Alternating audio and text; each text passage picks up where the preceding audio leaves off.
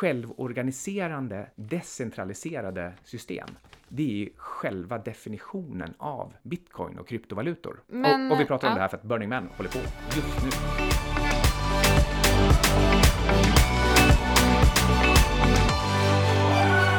Hej! Du lyssnar på Outsiders. Med eh, Anna Svan och Micke Syding, den enda. vi eh, funderar ju på om eh, man kanske ska köpa Gotland, men vi ska prata om det lite senare. Jag tycker Gotland låter som ett bra, bra grej. Bra intäkter. Vi ska prata om lite andra saker först, till exempel tystläsning. Mm.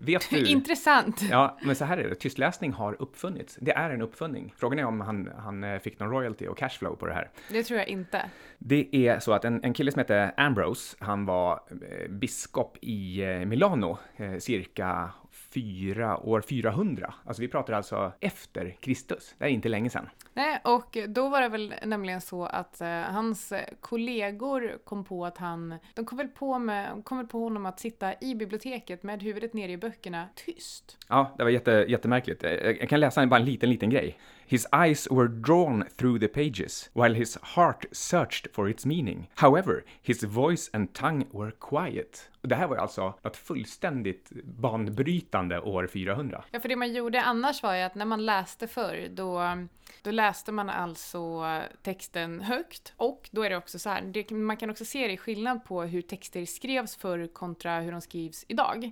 För innan man egentligen höll på med tystläsning så hade man ju varken mellanslag eller skiljetecken, eller hur? Det låter ju väldigt märkligt för oss. Och det här med att de var helt ihopskrivna, det var för att det är så vi pratar. Du lyssnar på mig så sitter ju alla orden helt och hållet ihop. Och eh, det kommer också från att man faktiskt sjöng innan man egentligen eh, pratade. Ja, det är faktiskt höger hjärnhalva som är igång där. Det är den som skapar allting härligt sammanhängande kontextuellt som, som vi gör. Sen presenterar den det för vänstern som får uppdrag att lite kantigt berätta vad som händer. Det låter som du och jag. Mm, faktiskt. Ehm, ja, men vi ska inte prata så mycket mer om tystläsning eller högläsning. Vi ska däremot prata om guld, WeWork, Trumps plan för Grönland och hur man kan ta rygg på honom. Vi ska också snacka lite Hongkong. Vi ska prata om thailändska baht är eh, nya safe haven när det kommer till valutor. Och eh, säkert komma in lite på kryptosyntism, burners, kapitalism 2.0 eh, och eh, hur man egentligen skulle kunna analysera situationer, bolag och marknader. Lite av en röd tråd här, det Ja, för det att... låter verkligen som att det finns en röd tråd i det. men- det, men det, här låter, det här känns lite som att någon har gått ut i skogen och egentligen tagit en spade, kört ner i jorden och lagt allting i en kasse och som har sagt här är mitt podcastavsnitt. Det är liksom lite av varje. Det är lite mask, det är lite kottar, det är lite mossa och Ja, precis, här, lite av en röd tråd och det är spaden vi ska försöka hitta här nu. Och, och spaden som jag ser det, det är att det skakar på marknaderna. Det är mycket grejer som händer. Trump tweetar och det är handelskrig och det är inverterad yieldkurva och guldet exploderar uppåt. Och vad vi letar lite grann efter i det här, det är någonting som har en bra risk-reward som safe haven. Var kan du gå någonstans som är antifragilt, som är decentraliserat och som är eh, värdebevarande eh, i sig självt, att det inte finns någon som kan, eh, som kan eh, förstöra det. Och då tänker vi lite osökt på krypto till exempel, Absolut. och guld och, Go- och Gotland. Absolut. Och eh, innan vi eh, egentligen ska säga hej till till eh, vår ena partner så vill jag också säga att när du sa det här med inverterad räntekurva så jag var och lyssnade på en dragning eh, i slutet på förra veckan tror jag det var där eh, ekonomer som gjorde en dragning och sa ja vi har den här inverterade räntekurvan men vi har aldrig haft den här typen av eh, penningpolitiska lättnader. Och då kände jag bara, nej men sluta nu, sluta säga att it's different this time. För att det är, och, och nu menar jag på riktigt, det har alltid, vid alla kriser så har det varit annorlunda. Men krisen har likväl kommit. Så det We, have to, we can't predict but we can prepare. Och det är egentligen det vi ska prata om. Men en av de här, eh, safe haven är faktiskt fel sak att kalla det, men ett alternativ till Fiat är krypto. Ja, Och eh, vi eh, har ju XBT Provider som partner och jag har träffat Sofia från deras kommunikationsteam för att prata lite om vad de har för planer framöver och så här lät det då. Hej Sofia, vi har ju haft eh, lite bakgrundssnack om XBT under sommaren. Men jag och säkert våra lyssnare också har fortfarande lite frågor till dig och eh, den största är ju vad händer härnäst? Ja, som du vet så har vi funnits på den svenska marknaden sedan 2015. Eh, vi har fått väldigt stort stöd från eh, investerarbasen som finns här i Sverige. Och för att prata om vart vi är på väg härnäst så måste man nästan börja från början. Ehm, det gick rätt så långsamt med lanseringen av trackers och bitcoin just under 2015 här i Sverige eftersom då hade bitcoin en ganska liten om en väldigt dedikerad följarskala. Skara. Och eh, var helt nya som bolag på marknaden. Men eh, det stoppade inte den svenska investerarbasen från att eh, både lära sig mer om och omfamna konceptet kring kryptovalutor och produkten under de två år som sen följde. Sen när vi märkte att stödet från investerarna växte så växte också efterfrågan på nya typer av produkter eftersom det fanns nya typer av produkter tillgängliga på marknaden. Och i mitten av 2017 så påbörjade vi då resan mot en bredare plattform när vi blev en del av Coinshares-gruppen. Och sen dess så har vi lanserat trackers för ytterligare tre kryptotillgångar. Ether, Litecoin och XRP. Eh, något som föddes ur just efterfrågan som sträckte sig längre än bara bitcoin. Nu har ju världen upptäckt bitcoin och det finns en vilja att lära sig mer om både kryptotillgångar och ekosystemet som det bygger på. Och eh, den investerarbasen är fortfarande en av våra starka supporters. Och det tar oss ju lite fram till vart vi är idag. Och det kan ju låta lite löjligt men eh, nu när vi har växt till ett företag som erbjuder exponering på långt mer än bara bitcoin så har vi även växt ur namnet. XBT Provider är ju i sig självt en referens till ISO-valutakoden för just bitcoin som ju är XBT. Så när vi nu har så pass många fler tillgångsklasser i vårt utbud så måste vi också växa namnet. Och därför kommer vi under de senaste veck kommande veckorna att se namnet XBT Provider fasas ut. Och vi kommer istället att kalla oss för CoinShares ETPs. Och efter det så har vi flera spännande projekt och långt mer i pipen och saker som vi ser fram emot att snart kunna berätta mer om. Men om man eh, vill exponera sig mot den här typen av eh, tillgångar, för att det finns ju en hel del skattefördelar med att välja den här typen av ETP framför att eh, handla på riktigt. Men var hittar ni er? Finns ni på Nordnet Avanza? Vi finns både på Nordnet och Avanza och vi finns även på NGM. Toppen, tack så jättemycket. Tack. Innan vi snackar guld, för det finns en hel del roliga saker att säga om guld, kan vi prata lite om WeWork. Är det årets mest uppenbara short case? Um, det här är ju kanske årets farligaste short case. Precis som det var att shorta Palm, Palm Pilot eller Tesla. Eller Tesla, ja. För, för det här är verkligen poster child för allt som är fel med den här eh, börsbubblan. Ja, och eh, vi kan ta vdn som exempel. Han har ju till exempel då tagit ut ett stort lån från WeWork för att köpa fastigheter som han sedan har hyrt ut till WeWork och som han nu säljer tillbaka. Så att eh, de, alltså grundarna och vdn är ju experter på att egentligen bara dra ut varenda krona som kommer in i det där bolaget till sig själva. Och Eh, Ehm, det får mig lite att tänka på reella, reella tillgångar. Men, vi ska, men, men har du något mer att säga, du vill säga om WeWork? Hela WeWork verkar gå ut på att eh, hugga tag i det här att folk söker efter yield, folk söker efter sekulär tillväxt och så är man beredd att betala vad som helst bara man ser att det finns en potential där längre fram, att, att det här bolaget har blivit riktigt, riktigt stort. Men WeWork, det ser verkligen ut som Ebberöds bank, det vill säga den här berömda banken som eh, sålde tior för fem kronor styck och därmed fick upp en väldigt hög eh, omsättning. Och, och WeWork, de, de tecknar, eh, vi pratar ju om det här för att en, de gör en emission inom några veckor, en eh, notering. Och eh, de hyr alltså in fastigheter som de inte äger själva, de, de, flesta av fastigheterna. På lång sikt hyr de de här, det vill säga det är stor risk i att de är bundna i dem. Och sen hyr de ut dem på kort sikt till mer eller mindre mediokra startups. Och de här startupsen, de känner sig framgångsrika för att WeWork växer, för då är det party på kontoret.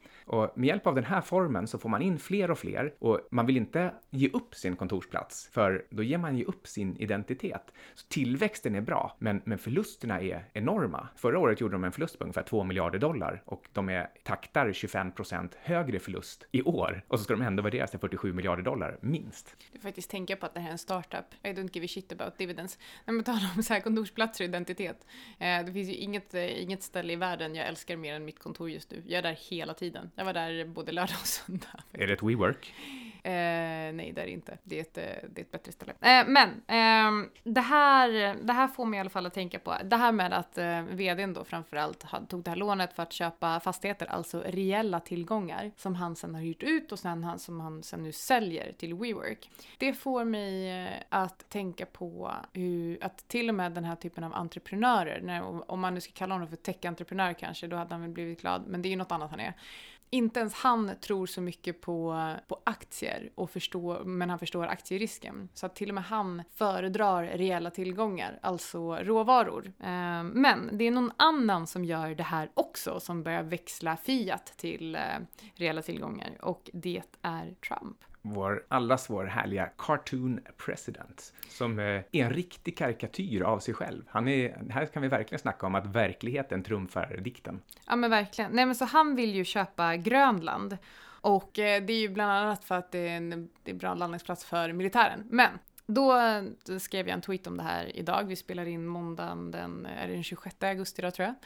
Och eh, konstaterar att, jag konstaterade att kan det vara så att USA vill köpa Grönland för nytryckta dollar innan dollarn förefaller värdelös eller i alla fall eh, till ett lägre värde och så vill man byta in de här värdelösa eller soon to be värdelösa fiatvalutorna mot rejäla tillgångar så att man faktiskt har någonting av värde även i framtiden. USA och deras centralbank, de har ju faktiskt förut diskuterat möjligheten att helt enkelt göra ett one trillion dollar mynt och har de tillverkat det myntet myntet, ja då är det ju värt 1 trillion dollar, för det är de som bestämmer det. Och då kan man hanterat eh, budgetunderskottet det året. Det här är bara ett annat sätt att göra det på, för de får ju trycka precis hur mycket pengar de vill. Och då kan de köpa vad som helst.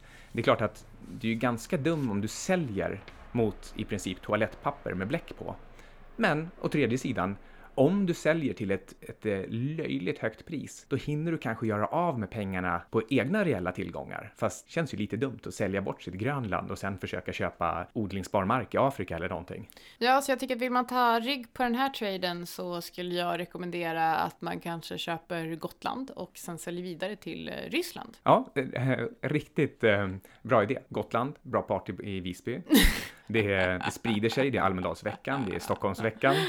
Och ja. i praktiken så äger ju ryssarna redan Gotland. Ja, egentligen. men exakt. De men då kan man. Eh, och då kan du, du kan säkert få någon typ av bra spread på den traden. Så att, eh, ja, men... Eh, men, vi... men egentligen så säger vi ju att eh, köp, köp upp realtillgångar. Ja. Och sen är definitionen av realtillgångar är lite svår och lite glidande. Vi hör ju ibland att Diversifiera aktier... dig. Du ska inte bara köpa fastigheter, du ska inte bara ha mark, du ska inte bara ha guld, du ska inte bara ha silver, du ska inte bara ha jordbruksråvaror. Diversifiera dina realtillgångar, men se till att det, du kanske har någon typ av fokus på det i din portfölj. Var det någonting som Weimarrepubliken och hyperinflationen i Tyskland lärde oss så var det att eh, när pengarna blir en het potatis, att man vet att det är inte pengarna jag vill ha, jag vill ha realtillgångarna, men jag måste fortfarande ibland studsa via fiatpengar för transaktionernas skull. Då går det snabbare och snabbare och man hoppar mellan den ena realtillgången till det andra. Och där var det så att plötsligt gick valutan snabbt och sen gick eh, fastigheter snabbt och sen gick aktier snabbt och var du kvar för länge i någon grej, då blev den värdelös. Ja,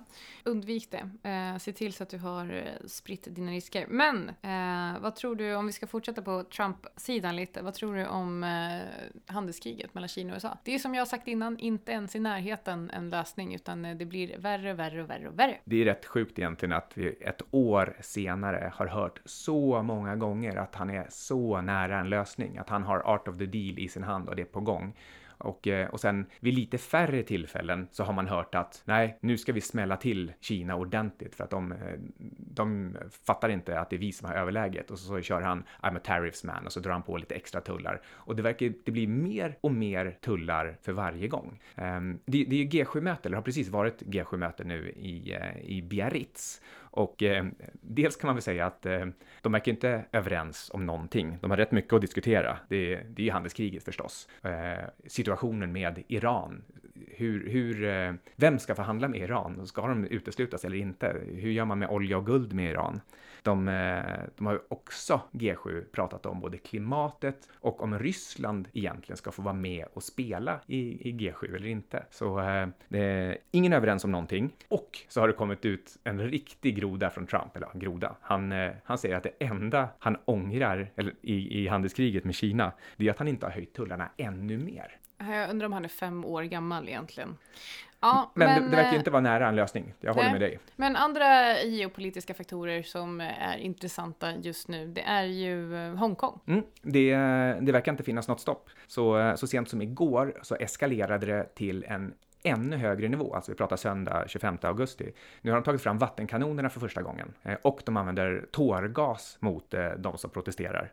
Och eh, ja, men så här, det, det, här, det här började ju med en protest mot utlämningslagar, eh, att man ska kunna lämna ut eh, brottslingar till Kina. Men det är att den här definitionen av brottsling, den kommer ju vara Kinas eh, bedömning. Så, så Hongkong och Hongkongborna känner sig mer och mer eh, uppslukade av Kina och det vill de inte. För de förstår att det här är en riktigt, riktigt stor grej. Ja, eh, och eh, då inser man kanske att eh, Kina, Hongkong, den typen av länder, man vill eh, förflytta sina pengar till eh, andra ställen och exponera sig mot andra. Och eh, det här har eh, lett till en liten oväntad stark valuta.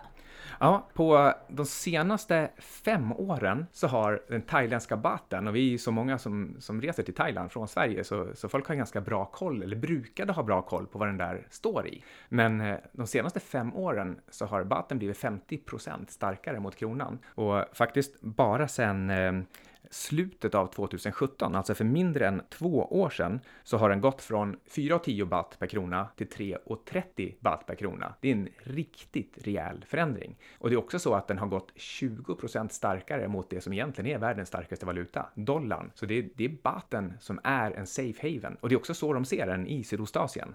Och eh, då blev ju du och jag lite intresserade av att titta på export och import och eh, Thailand är ju extremt beroende av export. De har nettoexport på 15% av BNP men eh, brutto 65 va? Mm, någonting sånt. Och eh, vi har inte kollat upp vad de exporterar. Eller till vem. Nej. Men det, det tänkte vi att vi kör en liten specialare, en liten asiatisk exportspecial av Insider som går ut på fredag. Ja. Idag alltså. Ja. I, eh, I övrigt så, eh, så ser faktiskt Thailand överraskande bra och modernt ut om man kollar på lite olika saker. Jag, jag gick lite snabbt igenom inflationen till exempel, låg. Skulle inte många här ha gissat att den är sådär 5-6 procent eller någonting? Och istället så är den precis som överallt annat eh, annars, mellan 0 och 1 procent. Hur mycket spenderar de på militär? Hur mycket hör man inte om militär från Thailand? Och, och, och den har sjunkit till, om det var en tredjedel eller en fjärdedel mot förut. Det är bara några, någon enstaka procent av, eh, eller några enstaka procent av BNP som går till militären. Så det är inte en militärnation längre. Eh, livslängd, vad, vad skulle du gissa? 65, 70? Nej men jag skulle nog faktiskt eh, gissa på 74. Ja, det, det är en jättebra gissning. Jag kommer inte ihåg i huvudet nu, men jag tror att det är 75. eh, men, men, men det betyder ju att de är, de är som Sverige. Det här, Så det här är de, ett eh, modernt de mår land. bättre. Ja, de Ja. mår bättre. Och då är frågan om man skulle vilja ta någon typ av exponering mot, mot Thailand. Och det som jag funderar på, om valutan har gått så starkt, då är det inte säkert att jag skulle vilja ta en, att jag skulle vilja köpa baten mot yuan till exempel, eller bat mot dollar, utan det beror lite på vilka de exporterar till och vad det är de exporterar. Så låt oss som sagt återkomma med lite tankar om det i eh, Insiders. Just valutor har ju en tendens till att trenda, för även om man gör en bedömning av vad purchasing power parity till exempel skulle kunna vara, eller att, att valutan är under eller övervärderad, så är det så att det är de här flödena över långa, långa perioder som ändå styr var den hamnar i slutändan. Så, så eh, jag tror ändå att batten kommer fortsätta stärkas, men jag håller, håller med dig om att det finns liksom ingen riktig anledning att köpa obligationer i Thailand. Dock ska lä- tilläggas att eh, de har bara 30 statsskuld och, eh, och skattetrycket är bara 15% Men då kanske man hellre, vi, det här är ju också ett sätt att exponera sig mot den thailändska basen, men då kanske det faktiskt är bättre att hitta thailändska bolag eller kanske köpa någon, eh, någon termin på thailändska indexet eller någonting. Just nu kanske man skulle köpa någon slags eh, gris, eh, grisbolag. Ja, eh, ja absolut. För, för det som är intressant här är ju att eh, på grund av eh, nordafrikansk svininfluensa som tog koll på en tredjedel av eh, alla Kinas grisar, hela Kinas grispopulation, så har ju priset på gris stuckit med 80 procent. Ja, jag sitter här med en, en, en graf där det är en, där längst ner i grafen så är det en liten söt gris som hänger över kanten. Det är Ser- fa- faktiskt ganska lik Capex. Den ser jättemysig ut. Mm. Och ja, som sagt, den- den har sen, eh, sen ändå ganska tidigt på året, alltså januari, februari någon gång. Det, det är från därifrån till nu som den börjar nästan se parabolisk ut. Ja, verkligen. Eh, så frågan är hur långt kan det här fortgå? Men då får man också tänka på att i och med att faktiskt typ en tredjedel av hela grispopulationen försvann så kan man tänka sig att det tar lite tid att eh, föda upp de här eh, piggisarna igen. Så Ja, att, eh, man det- kan nog tänka sig att det är inte ett nedställ i närtid, men däremot så är ju det här, skulle det här ses som en trade och inte en långsiktig investering. Ja, men just närliggande länder som har grisar eller närliggande djur. Du föreslog till exempel, men man kanske äter kyckling då om man inte får tag på fläsket. Precis. Men eh, vad finns det för eh, andra typer av alternativ? Jag vet att du och jag, eh, du och jag pratar en del om kapitalism 2.0 istället för konkurrens, alltså att man samarbetar egentligen. Och det vill du jämföra lite med Burning Man. Ja, det låter kanske lite paradoxalt att det här att bygga uthålligt tillsammans eh, ska likställas med ett, ett ställe där man tänder eld på allt eh, efter en vecka när man, när man är klar. Men, eh, men Burning Man, det är ju verkligen eh, själva sinnebilden för, för att bygga saker ihop. Att man, man får inte ens använda pengar där. Alltså, faktum är att där får man inte ens använda krypto. De hade tänkt skapa sin egen kryptovaluta bara, liksom, bara för att användas på plats för att underlätta transaktionerna. Men, men vad de vill är ju att man ska ha genuina mänskliga möten som, eh, ja, som helt enkelt konstruerar och bygger saker och använder den här mänskliga eh, genialiteten som vi faktiskt har när vi kommer tillsammans. Och det här, eh, alltså självorganiserande, decentraliserade system, det är ju själva definitionen av bitcoin och kryptovalutor. Ja, absolut. Men, och, och vi pratar om ja, det här för att Burning Man håller på just nu, 25 augusti till 2 september. Så kanske hinner du dit och, eh, om du som lyssnar alltså, om du, om du vill dra sista dagen. Funderar på om jag ska åka dit nästa år faktiskt. Men ehm, hur kan man egentligen analysera situationer, bolag och marknader? Med, med tanke på allting vi precis har pratat om. En viktig fråga att ställa sig. Det är eh, vad behöver förändras för att, för att du ska hamna rätt, för att du ska tjäna pengar. Men en ännu viktigare fråga, det är faktiskt att, att ställa dig frågan, de kommande 5-10 åren, vad kommer fortsätta att vara samma som det har varit tidigare? Alltså någonting som du vågar sätta prognos på och därmed också investera i. Vad kommer vara samma? Eh, och det här skulle till exempel kunna vara så enkla saker som, ja, vi kommer fortfarande äta vanlig mat. Men det här är ett slags metaperspektiv på you can't predict but you can prepare. För some, some things you can actually predict and then you can prepare. Precis, så that. du får predikta det som går, Ja. det som faktiskt går, men du måste tänka efter riktigt, riktigt noga vad som kommer bestå. En gång i tiden så kunde man eh, kanske missta sig och tro att monopolet för till exempel flyg eller tele eller internet skulle bestå. Eh, men då hade man ju faktiskt misstagit sig. Men, men över en tioårsperiod så skulle man ändå haft rätt att SAS monopol bestod, åtminstone om man gjorde det eh, tio år innan monopolet bröts upp. Um, och eh, nu blir det här lite fånigt, men, men en sak som jag tror består, det är konjunkturcykler. Alltså det är kreditcykler och det är optimismcykler. Och de här cyklerna, de är reflexiva för vi är människor. Och det betyder att vi drar saker till sin spets. När vi är glada så blir vi gladare och gladare och gladare och så bygger vi vår glädje på att vi är glada. Alltså i princip, vi, vi köper saker och sen så bygger vi köpandet på att priserna har gått upp. Men det var ju vi som köpte upp dem. Vad kommer hända med optimismcykler under, efter singulariteten? Jag tror de är kvar, men i, eh, på ett sätt som vi inte kan föreställa oss. Det, Det- kanske är en lite för stor fråga för det här Ja, avsnittet. eh, men, men man måste tänka sig en sån här exponentiell kurva som egentligen ser ut att vara helt lodrätt på slutet. Men även inuti den så kommer det vara svängningar.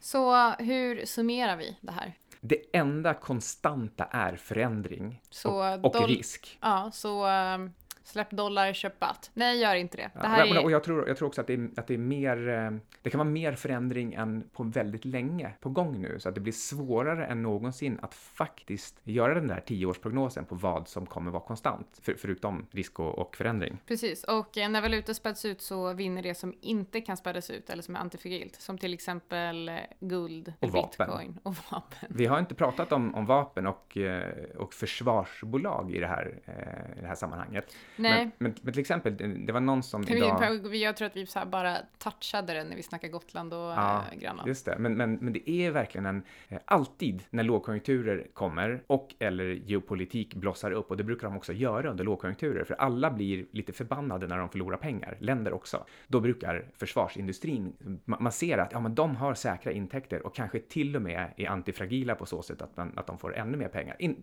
till exempel som stimulans. Det är en supergrej som USA brukar göra, nu lägger vi extra pengar på militären när det är lågkonjunktur, för det är en bra, det är en bra stimulans. I de riktiga katastrofscenarierna kommer ju vapen trumfa guld. Det var ju lite som vi pratade om eh, i något avsnitt Efter tidigare. Argentina, ja precis.